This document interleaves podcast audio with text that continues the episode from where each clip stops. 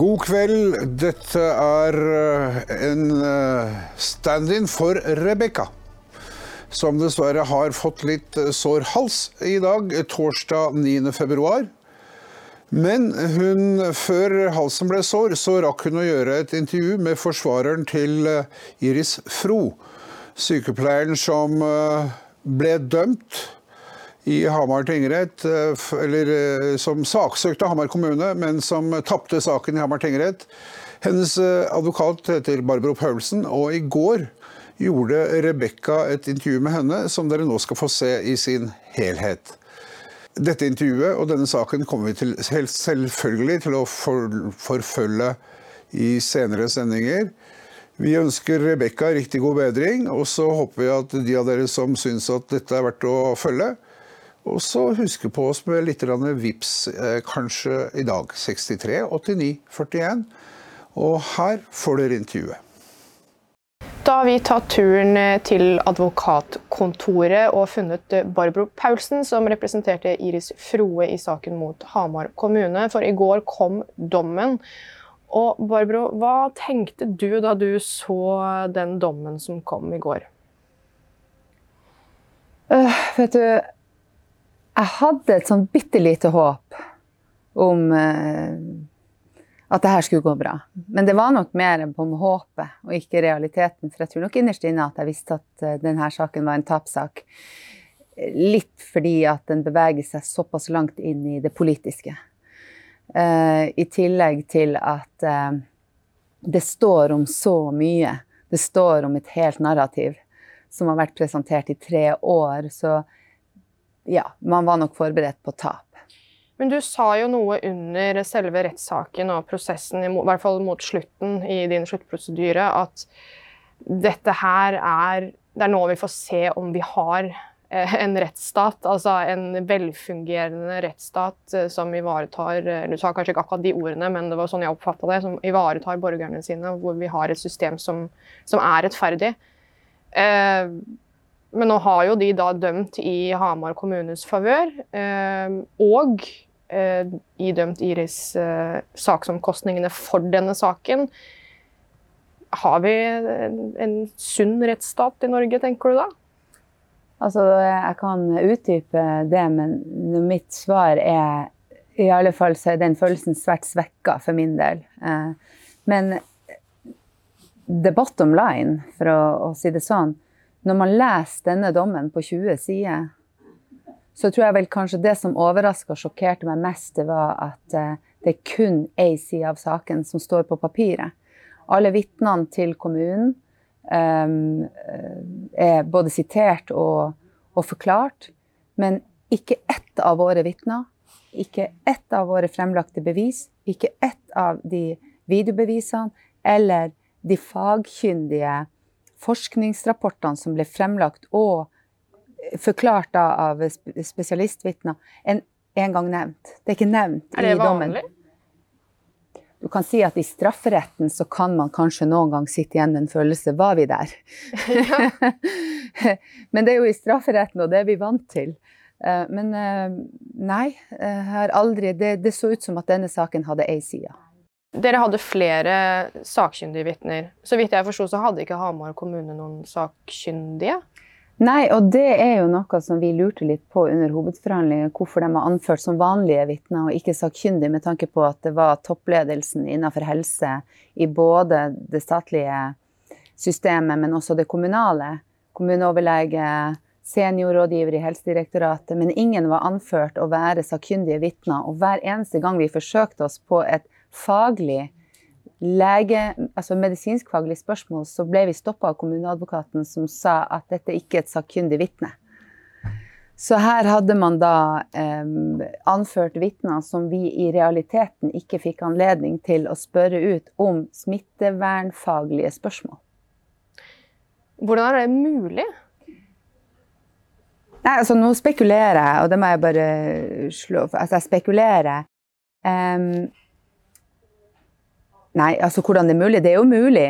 Eh, skulle man ha eh, Jeg tror vi lente oss veldig på de vitnene som vi hadde, med tanke på at vi hadde folk på professornivå, vi hadde folk med tung medisinskfaglig tyngde. Og for våre vitner var jo sakkyndige. Så her hadde man altså muligheten til å løfte frem tematikken. Mm. Eh, så vi tenkte at det, det var nok.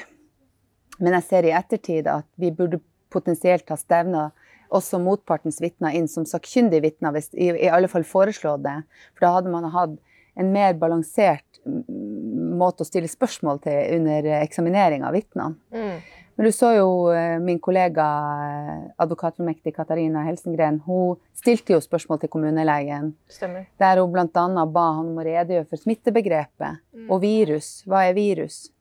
Som, som vi for så vidt ikke fikk svar på, men der kom jo kommun, kommuneadvokaten kom jo raskt på banen og sa det at dette ikke er et sakkyndig vitne. Ja, så Det skal jo noe til for å få en arbeidstvist til å, å komme opp i retten. Det er jo ikke nødvendigvis uh, Altså, det, det løses jo ofte med minnelig løsning på forhånd.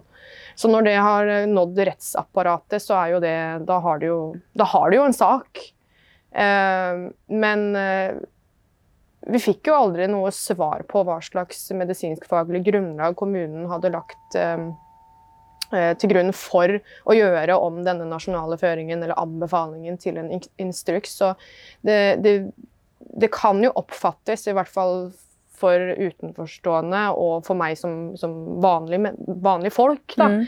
eh, at kommunen absolutt ikke hadde lyst til å snakke om disse tingene som, som du legger fram, smittevern, eh, eh, hva er smitte, hva er virus, eh, og ikke minst det medisinskfaglige grunnlaget, for det ble jo aldri presentert som noe annet enn at dette var en føring som kom fra nasjonale helsemyndigheter, hvor flere av kommunens vitner sa at de ikke hadde lest alt sammen en gang. Eh, men allikevel så blir ikke det ved, altså det blir ikke lagt vekt på i, i dommen, da, oppfatter jeg.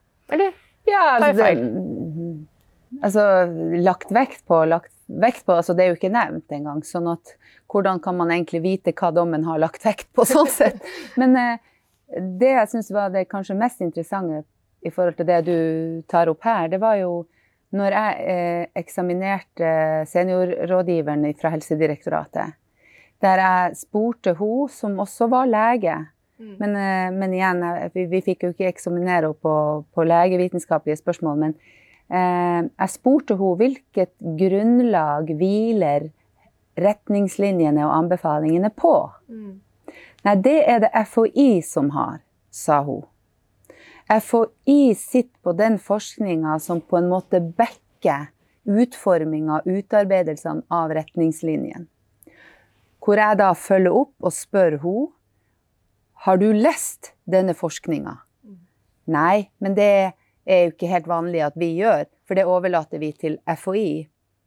Så sier jeg, har dere fått oversendt grunnlaget, den medisinskfaglige forskninga, som ligger til grunn for disse inngripende eh, veiledningen, anbefalingen, retningslinjen, som da har snudd opp ned på et helt helsesystem? Nei, det hadde hun ikke lest. Nei. Så det vil jo jeg si var det absolutt nærmeste vi kom når jeg bora litt i den, den eh, materien der. Men det er jo heller Det, det er jo ikke nevnt. Nei, selvfølgelig er det ikke det. Eh, Jeg, jeg merka meg da vi satt i rettssalen at eh, det var flere av kommunens vitner som pekte oppover eller bortover, altså til sidemannen eller oppover. Og jeg lurer på i forhold til Dommeren skulle jo dømme i denne arbeidssaken. Eh, det er jo klart og tydelig. eh, Men det jo eh, Det kom jo ganske klart og tydelig fram under denne rettsprosessen at dette handler jo om noe veldig mye større enn bare en arbeidstvist. For dette her er noe som har påvirka folk i tre år. Det er politisk. Det kommer ovenfra og ned. Og man har ikke hatt noe særlig Selv om man har ikke hatt noe valg, selv om det har vært en stor debatt om valgfrihet. Altså, man må ta konsekvensene av de valgene man tar. Um, men nå er det jo tydelig at eh, de valgene som har blitt gjort fra myndighetene, de, de instruksene som har blitt basert på den dokumentasjonen, hvis man kan kalle det det, fra myndighetene, ikke har vært gjennomgått eh, noe særlig om i det hele tatt før de har blitt omgjort til instrukser. Og da har vi jo et mye større problem her til lands enn en arbeidstvist. Den dommeren ville vel kanskje ikke ha Det er min spekulasjon ha dette på sine skuldre og skulle dømme i en så politisk, eller i favør av en så politisk sak, kanskje. Jeg vet ikke, men eh, er dette noe dere kunne tenke dere å anke, eller har dere ikke tatt stilling til det ennå? Altså det, eh, for det første så, så da, man jo, da lander man jo tilbake. Eller la meg spole helt opp før jeg går på sakskostnadene. Fordi vi var veldig nøye. Man har fått ganske mange altså mye kritikk rundt er dette, er dette en arbeidssak? Ja. Eh, men her har jeg på min egen Facebook-vegg valgt å lage en kort oppsummering, sånn at man i hvert fall hele tida har den foten i bakken på jorda. Hva er det vi står overfor? Jo, det er i utgangspunktet en arbeidstvist. Da er det noen vilkår etter arbeidsmiljøloven som skal eh, behandles av retten. Ikke sant? Og de tre hovedvilkårene her er saklig grunn, om det foreligger saklig grunn for en oppsigelse, om forholdsmessigheten er vurdert, og nødvendighetskriteriet for, i forhold til opp mot dette med å verne liv og helse. Ja. ja. Sånn, sånn, for å, å, spole det helt opp, så er det viktig at som advokater og som eh, prosessfullmektige i denne saken, så har vi hatt den jordkontakten på eh, hva slags vilkår som retten skulle ta stilling til. For det er lett å sveve langt eh, inn i det her. Men det, det som viser seg under hver drøftelse, er at man går hele tida opp til det som er kjernepunktet.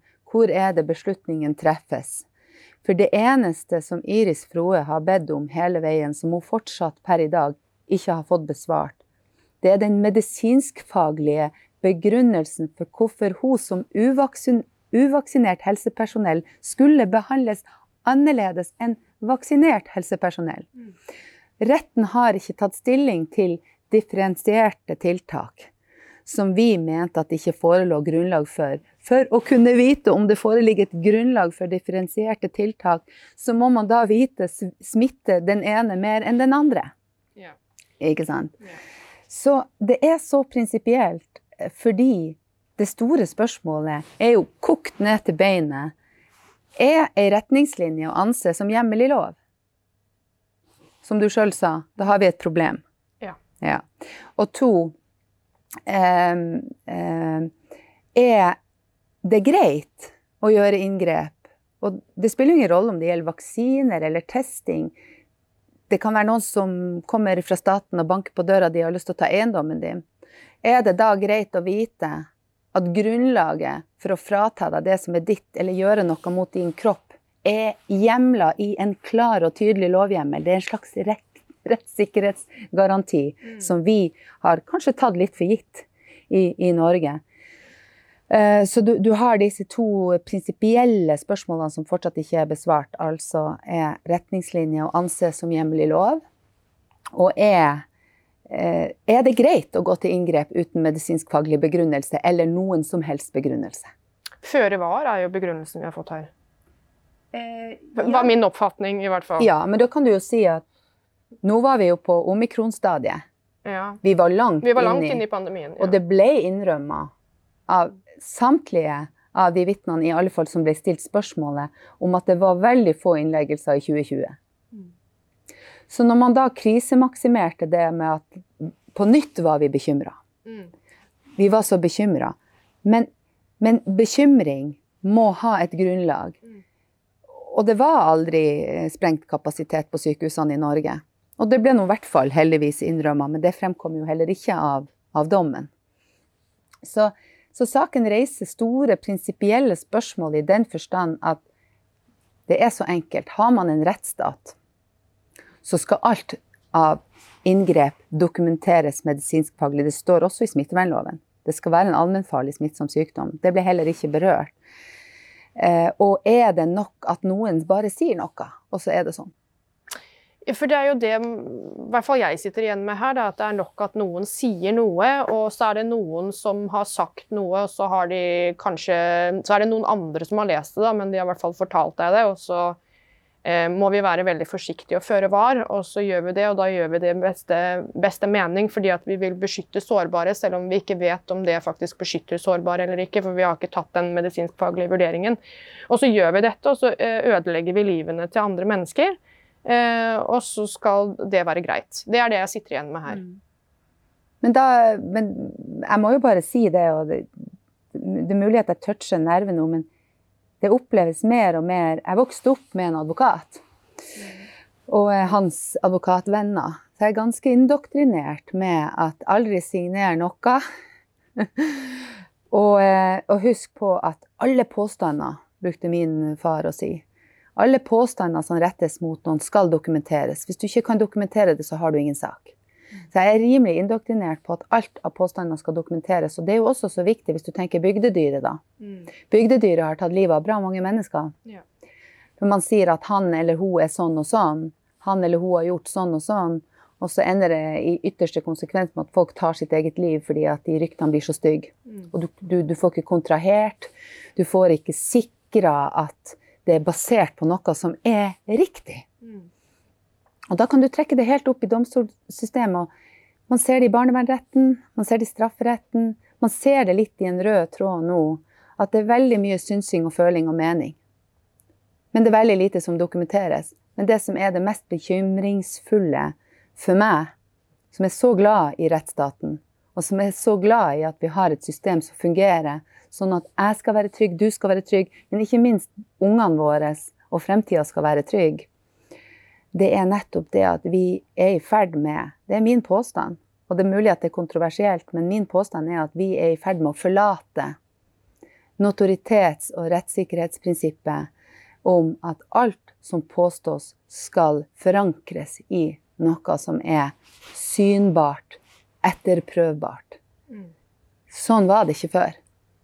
Det er jo mulig at jeg drar den her litt grann langt opp nå, Barbro, men det er jo sånn at denne, dette med følelser og synsing, og at det trumfer dokumentasjon og det du kan holde, altså det håndfaste, det er jo gjennomgående i, i flere av, av, områdene i samfunnet vi beveger oss i. Det være akademia, forskning, eh, rettssystemet, som du sier. Eh, vi finner det jo på alle nivåer. Eh, det er jo Altså, akademia, det handler jo nå Studiene handler om, om hvordan noen føler seg. Eh, vi skal eh, drive med hvithetsstudier og den type ting. Det er jo nye, nye emner. Det å ja, Jeg vet ikke, jeg har ikke fulgt med på alt av det nye de har ført opp, men noe forskning det, det er, man, man, let, man, finner liksom konklusjonen før man setter i gang med forskningsarbeidet. Det er jo veldig Hva skal man si? Det er, det er jo en rød tråd gjennom hele samfunnet vårt, egentlig. Mm. Um,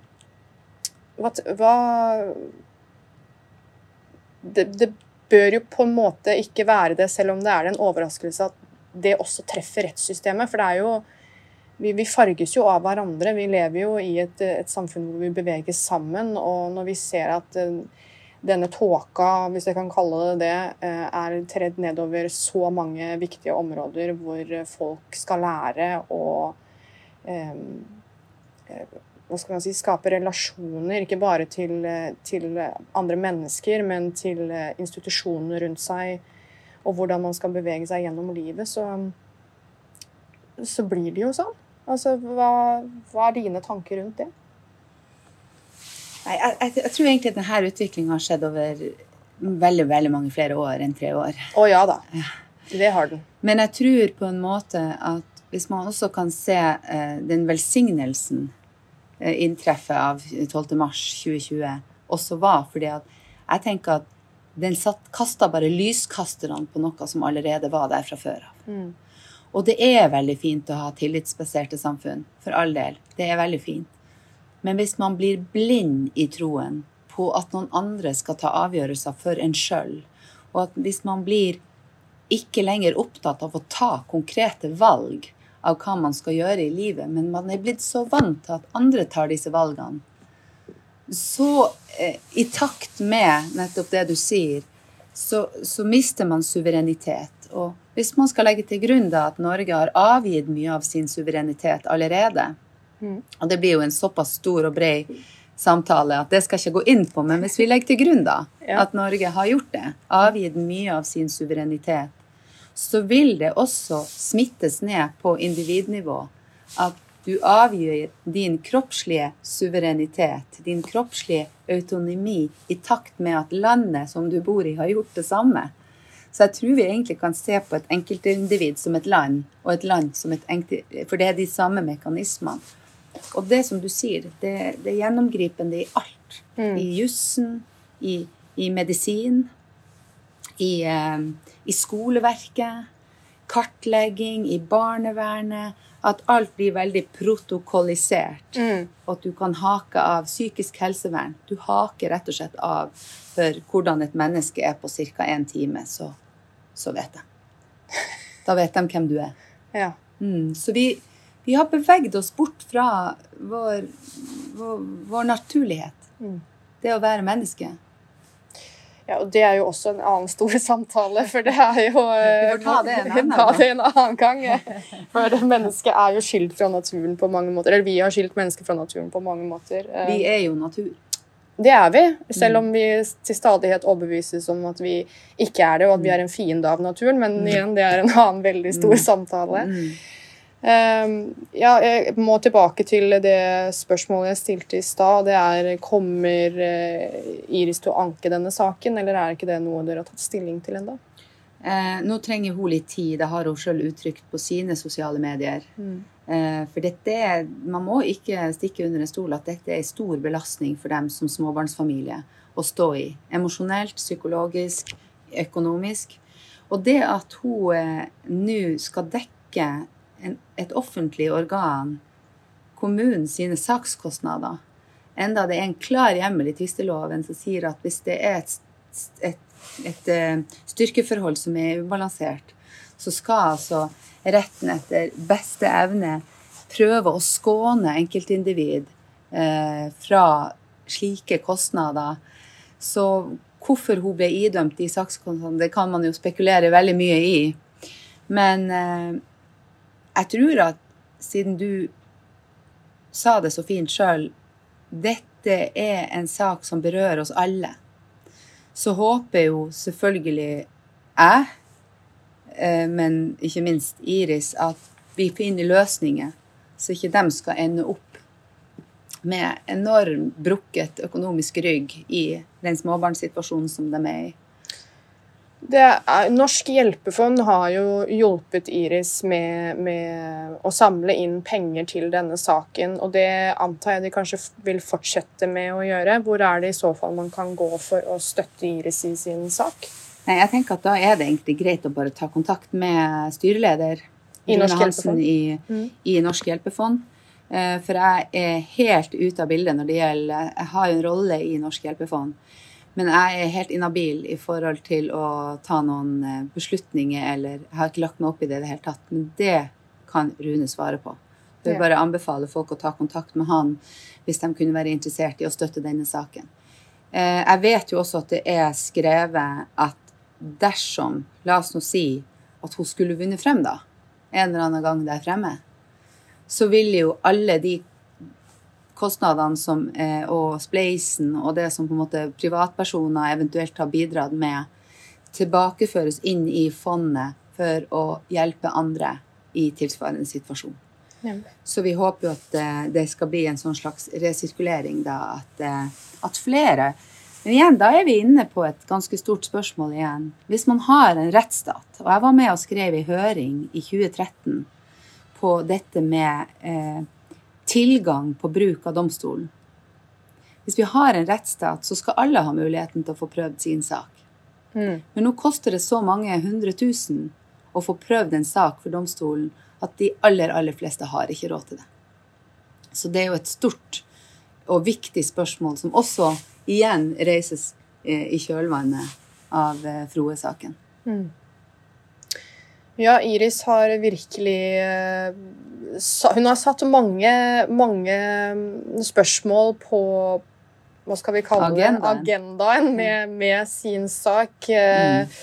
Håper jo at hun eh, anker denne saken og fortsetter. Den er såpass viktig at eh, Og spesielt eh, reflekteres det jo i denne dommen som er skrevet, som ikke har tatt hensyn til eh, egentlig noen ting, og ikke svart på noen av de spørsmålene som ble lagt til grunn som du, de tre mm. prinsipielle tingene som du nevnte. Så uh, vi, eh, vi følger med vi, hva som skjer fremover, og så vil vi da oppfordre dere som ser på til å gå inn på Norsk hjelpefond. Uh, hvis dere vil bidra og hjelpe Iris i denne saken, så ta kontakt med Rune Hansen i Norsk hjelpefond. Dere finner også Norsk hjelpefond på Facebook. Tusen takk, Barbro, for at du tok deg tid til å prate med oss i dag. Tusen takk for at dere tar tak i det her, dere òg. Jaså? Dere sitter og ser på i kveld òg. Det er bra! Det er kjempebra. Da vil jeg tro at dere er omtrent eh, slik som eh, det vi i Dokumentet er, oppgitt over hvor mye galskap som finnes i verden, og ikke minst i Norge. Enten det er kommunalt, fylkeskommunalt eller statlig byråkrati eller politikere ikke klarer de å bygge bruer, ikke klarer de å bygge tunneler, ikke klarer de å bygge jernbane, og ikke får de toga til å gå i rute. Og verden bare suser videre, og staten øser ut penger med ene handa. Så tar de igjen fryktelig mye penger fra dere med andre handa. Jeg tror faktisk de tar igjen mer penger i skatter og avgifter og høyere strømpriser enn det de gir ut igjen. Da skal dere bare vite det at vi får ikke av de pengene vi som jobber i Dokument for å prøve å stå oppreist i strømmen av desinformasjon. Derfor er vi avhengig av at folk som dere, som sitter og ser på, gir oss en krone i ny og ne når dere har råd. vips nummeret vårt er 638941. 638941. Og har dere større summer å by på, har dere vunnet i Lotto eller tipping eller på hest? så har vi bankkonto òg. Takk. Situasjonen er fortsatt meget spent i Midtøsten. Her Fy søren!